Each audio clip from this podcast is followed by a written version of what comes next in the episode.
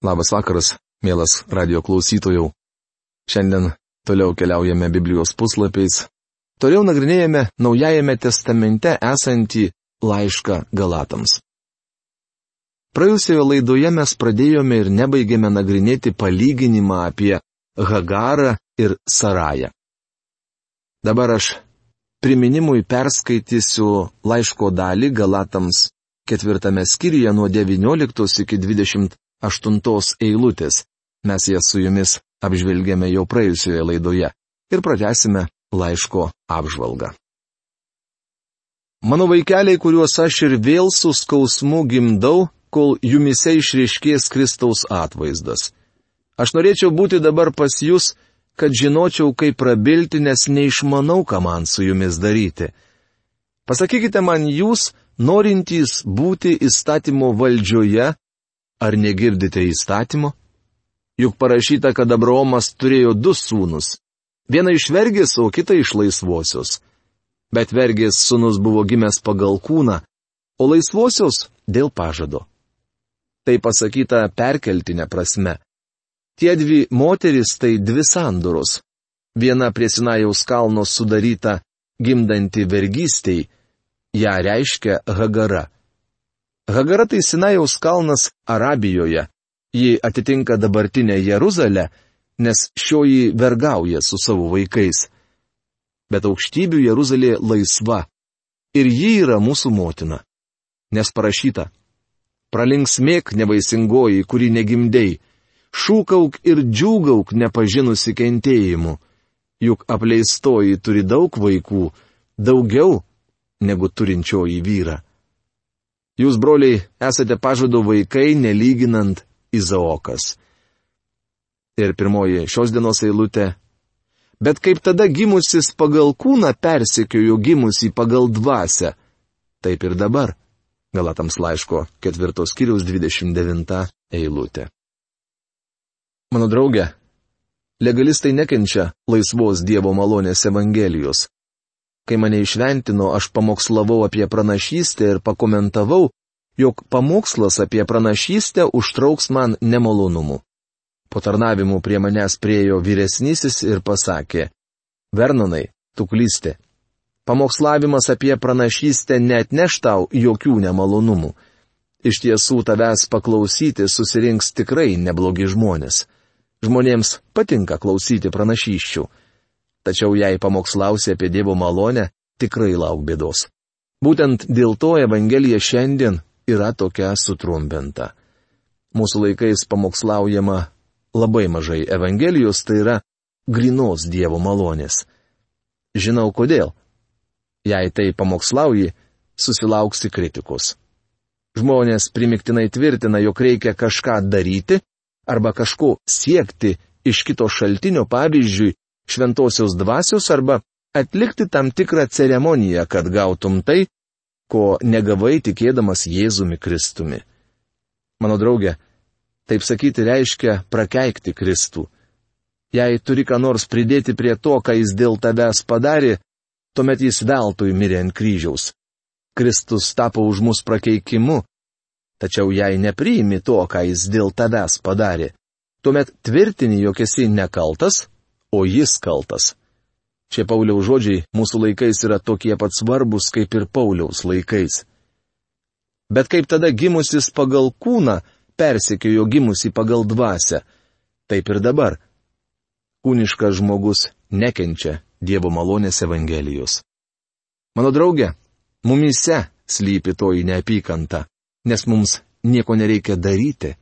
Atvirkščiai, tai pašlovina Kristų ir nukreipia mūsų žvilgsnį į jį. O kągi sako raštas? Išvaryk vergę ir jos sūnų, nes vergės sūnus negaus palikimo kartu su laisvosios sūnumi. Galatams laiško ketvirtos kiriaus 30 eilutė. Dievas pareikalavo išvaryti vergę ir jos sūnų. Skaitykite pradžios knygos 21 skyriaus 10 eilutę. Šiandien Dievas mums sako, atsikratyk įstatymo valdžios. Visą dėmesį skirk Jėzui Kristui. Štai kodėl broliai mes esame ne vergės vaikai, bet laisvosios. Galatams laiško ketvirtos kiriaus 31 eilutė. Abromas negalėjo turėti abiejų sūnų ir Hagaros ir Sarajos sūnaus. Jis turėjo pasirinkti. Paulius sako, jog negali būti išgelbėtas įstatymų ir malonę. Reikia pasirinkti. Jei stengiasi būti išgelbėtas per Kristų ir per įstatymą, tuomet iš viso negali būti išgelbėtas. Noriu jūsų paklausti, ar jūs tikrai patikėjote Kristumi, ar tai tik atsarginė jūsų omnibuso padanga. Tai yra, ar norite kažką daryti, ar kažkuo esate, ar stengiatės kažką pasiekti, kas prisidėtų prie to, ką Jėzus Kristus padarė dėl jūsų ant kryžiaus. Jei taip, pamirškite tai ir žvelkite vien tik į Kristų. Viską gausite iš jo. Jis yra mūsų gelbėtojas. Jis mūsų viešpats. Jis vertas visos šlovės ir garbės. Galatams laiško penktas skyrius. Tema - dvasios pašventinimas. Jei esi išgelbėtas tikėjimu, bet gyveni pagal įstatymą, prarandi malonę. Jei esi išgelbėtas tikėjimu ir gyveni dvasia, auga dvasios vaisius. Dvasios pašventinimas. Nagrinėsime trečią didesnę laiško galatams dalį. Pirmoji dalis buvo asmeninė. Mums buvo svarbu sužinoti asmeninius Pauliaus išgyvenimus. Po to nagrinėjome mokymą apie nuteisinimą tikėjimu. Paulius primiktinai tvirtino, kad mūsų išgelbėjimas turi remtis Dievo išgelbėjimu ir kad yra tik viena Evangelija. Dabar mes priejome prie praktinės dalies, kurioje Paulius rašo apie dvasiaus pašventinimą. Nuteisinimas vyksta tikėjimu, pašventinimas - Dievo dvasia. Tačiau šventasis raštas moko, kad viešpats Jėzus Kristus tapo mums pašventinimu, tai yra Dievas mato mus tobulus jame. Kad ir koks geras būtum, niekuomet netitiksi jo reikalavimu. Šiame gyvenime niekuomet nebūsi toks kaip Kristus. Kristus yra vienintelis, apie kurį Dievas pasakė, šitas yra mano mylimasis sunus, kuriuo aš geriuosi. Mato Evangelijos trečios kiriaus 17 eilutė. Tačiau tikinčiųjų kūnas, bažnyčia, yra Kristuje. Jis - kūno galva. Ir mes, kurie tikime šiandien pasaulyje, esame jo kūnas. Beje, mes turėtume jam atstovauti. Pašventinimas vyksta dvasia. Šioje dalyje mes skaitome apie dvasę ir kūną, kuris priešingas dvasiai. Arba žmogus pats, tariamai susikūrė krikščionišką gyvenimą, arba kas nors kitas turi tai padaryti per jį. Dievo noras yra gyventi krikščioniškai per jūs. Šioje dalyje skaitome apie laisvę ir vergystę, kuri priešinga laisviai. Bet kokia įstatyminė sistema žmogų pavergia ir jis privalo jos skrupulingai laikytis.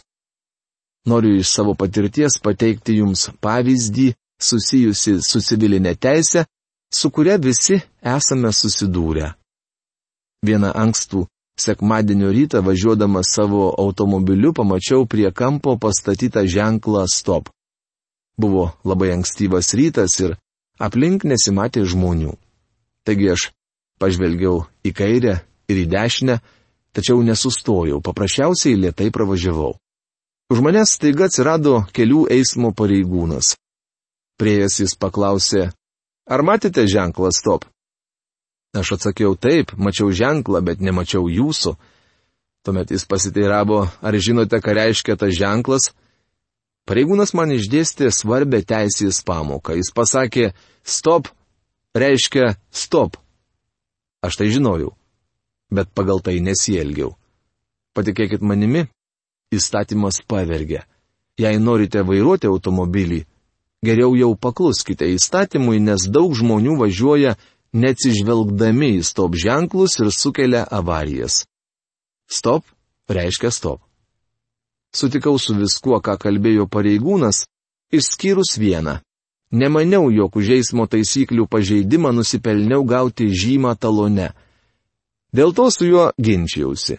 Pasitaikė labai šaunus žmogus, kuris suprato mano požiūrį. Jis pasakė, šį kartą jums atleidžiu, kadangi rytą kelyje nieko nebuvo.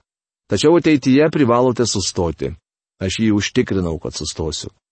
Nuo tos dienos, netgi jei tai ankstyvas sekmadienio rytas, aš sustoju prie to ženklo ir visur, kur tik pamatau stop ženklą. Tai yra įstatymas. Tai gyvenimo pagal įstatymą pavyzdys, kurį visi suprantame. Jei esi išgelbėtas tikėjimu, bet gyveni pagal įstatymą, prarandi malonę. Paulius pradeda kalbėdamas apie laisvę, kurią turime Kristuje. Nuo pirmos iki penkioliktos eilutės jis rašo. Jei esi išgelbėtas tikėjimu, bet gyveni pagal įstatymą, prarandi malonę. Štai ką reiškia prarasti malonę. Jūs esate išgelbėtas tikėjimu, o po to nusileidžiate į įstatymo lygmenį ir jame gyvenate. Pradėję skaityti šią dalį pamatysime, kaip Paulius tai iliustruoja. Kristus mus išvadavo, kad būtume laisvi. Tad stovėkite tvirtai ir nesiduokite vėl įkinkomi į vergystės jungą. Galatams laiško penktos kiriaus pirmą eilutę. Apaštalas teigia, kad mes ne tik esame išgelbėti tikėjimu, o ne dėl įstatymo, bet įstatymas ir neturi valdyti tikinčiojo gyvenimo. Mes neturime gyventi įstatymu nie trupučio. Įstatymo principas nėra krikščioniško gyvenimo taisyklė. Paulius sako, kad išgelbėti malonę turime ir toliau ją gyventi. Per malonę dvasia apsigyvena mumise ir mus pripildo, taip įgalindama gyventi aukštesnėme lygmenyje, nei reikalavo įstatymas. Kai patikime Kristumi kaip gelbėtoju, tai yra mūsų dalis. Kristuje mes gauname viską - išgelbėjimą ir pašventinimą. Tik nesakykite man, kad turiu ieškoti dar vieno palaiminimo. Atėjęs pas Kristų aš gavau viską, kas man reikalinga. Paulius man sako, kad Kristuje Jėzuje buvau palaimintas visais dvasiniais palaiminimais. Tikėkime juo ir pradėkime pasitikėti liaukimės bandę gyventi pagal įstatyminę sistemą arba taisyklių mechanizmą. Mes turime laisvę Kristuje. Jis neliepia mums paklusti kokiai nors menkai įstatyminiai sistemai. Mes nenaudojame dešimties Dievo įsakymų kaip gyvenimo įstatymo. Nenoriu pasakyti, jog turime laužyti dešimt Dievo įsakymų. Manau, jog visi suprantame, kad daugumos jų sulaužimas - tai yra nežudyk, nevok, ir taip toliau prives prie to, kad mus suims vietinė valdžia. Žinoma, krikščionis nelaužo įsakymų, tačiau mes esame pašaukti gyventi aukštesnėme lygyje. Tas lygis - tai laisvė Kristuje. Aš turiu laisvę Jėzuje Kristuje ir toji laisvė ne taisyklė, bet principas. Aš turiu įtikti jam. Mano elgesys turi įtikti Jėzui Kristui, ne jums ne kokiai nors organizacijai, tik tai jam. Tai laisvė, kurią turime viešpatyje Jėzuje Kristuje. Kristus mus išvadavo, kad būtume laisvi, tad stovėkite tvirtai ir nesiduokite vėl įkinkomi į vergystės jungą. Štai aš Paulius sakau jums. Jeigu leisitės apipjaustomi, Kristus jums nebebus naudingas. Galatams laiško penktos kiriaus antra eilutė. Apipjaustimas buvo įstatymų ženklas. Ženklas arba ženklelis pažymi, kokiai organizacijai ir ložiai priklausote. Galbūt ir krikščionims reikėtų nešioti ženklelį, nes kartais tai vienintelis būdas, kaip gali atskirti, ar kai kurie žmonės krikščionys. Tačiau Paulius sako, kad jei įsisegate įstatymo ženklelį, kuris yra apipjaustimas, tuomet Kristus jums nebėra naudingas. Norėčiau panaudoti paprastą pavyzdį, kad tai įrodyčiau. Prieš daugelį metų buvo reklamuojamas tonizuojantis preparatas pavadinimu Hadacol. Regis jis daugiau nebeparduodamas. Tiksliai nežinau visų smulkmenų, tačiau maždaug 75 procentus jo sudaro alkoholis. Daug žmonių vartojo šį preparatą. Kompanija, kuri gamino šį vaistą, entuziastingai gyrė savo gaminį. Sakysime, viename iš liudijimų apie šio preparato efektyvumą būtų parašyta. Išgėriau 513 buteliukų jūsų vaistų. Prieš pradėdamas vartoti hadacol negalėjau vaikščioti. Dabar galiu bėgioti ir netgi skraidyti. Man tikrai labai pagerėjo. Tačiau turėtumėte žinoti, jog tuo laiku aš pasigaminau ir savo vaistų buteliuką ir jį vartojau. Mano draugė, paskutinis sakinys tikrai sudrumstė vandenį. Neaišku, ar žmogų išgydė tie 513 hadacolo buteliukų, ar jo paties sugalvotas mišinys. Ta akimirka, kai formulė įvedi dar ką nors, negali būti užtikrintas. Dabar atidžiai paklausykime, ką sako Paulius. Jei tikite Kristumi ir dar kažkuo, tuomet negalite būti išgelbėtas. Jei jūs dargi apsipjaustote, o tai yra tik tai įstatymo ženklas, arba jei turite kitokį patyrimą ir juo grindžiate savo išgelbėjimą, Kristus jums nebebus naudingas. Kaip jis gali būti jums naudingas, kai jūs užuot pasitikėjęs vien tik juo dėl savo išgelbėjimo, pasigaminote savo mišinio butelį? Mane visuomet žavėjo daktaro Liuiso Sperio Šeferio teiginys. Jis skamba panašiai. Noriu taip tikėti Kristumi, kad kai ateisiu pas jį ir jis manęs paklaus, kodėl tu čia, galėčiau atsakyti, esu čia, nes patikėjau tavimi kaip savo gelbėtoju. Jei jis manęs paklaustų pagirtina, tačiau ką tu padarėjai? Žinau, jog buvai seminarijos prezidentas ir kad buvai pakrikštytas, taip pat buvai bažnyčios narys, Savo tarnavime padarėjai daug gerų dalykų. Tuomet aš atsakyčiau, visa tai tiesa, tačiau aš netikėjau ne vienu iš išvardintų dalykų dėl išgelbėjimo. Tikėjau tik tavimi mano viešpatė. Mano draugė, ar taip tu pasitikė Kristumi? Paulius kalba labai griežtai. Jeigu leisitės apipjaustomi, Kristus jums nebebus naudingas. Jei tikite kuo nors kitu, o ne Kristumi, tuomet nesate krikščionis. Aš pakartotinai įspėju kiekvieną, kuris leidžiasi apipjaustomas. Jis tampa įpareigotas laikytis viso įstatymo. Galatams laiško, penktos kiriaus trečia eilutė. Negali iš įstatymo išsirinkti tik tų dalykų, kurie tau patinka. Negali išbraukti bausmių ir daugybės smulkmenų. Turi laikytis viso įstatymo arba iš viso jo nesilaikyti. Aš taip džiaugiuosi, jog nesu pavaldus įstatymui. Aš turiu laisvę Kristuje, turiu pripažinti, jog rūpinuosi, kaip jam visuomet įtikti, tačiau juk jis yra tas, dėl kurio stengiuosi. Aš nesilaikau kokios nors įstatyminės sistemos. Aš pakartotinai įspėju kiekvieną, kuris leidžiasi apipjaustomas. Jis tampa įpareigotas laikytis viso įstatymo. Jūs, ieškantis nuteisinimo įstatymę, atsiskyrėte nuo Kristaus. Praradote malonę.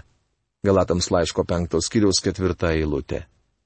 Jei buvote išgelbėtas patikėjęs Kristumi, o vėliau nusileidžiate į žemą gyvenimo pagal įstatymą lygmenį, nutolstate nuo malonės.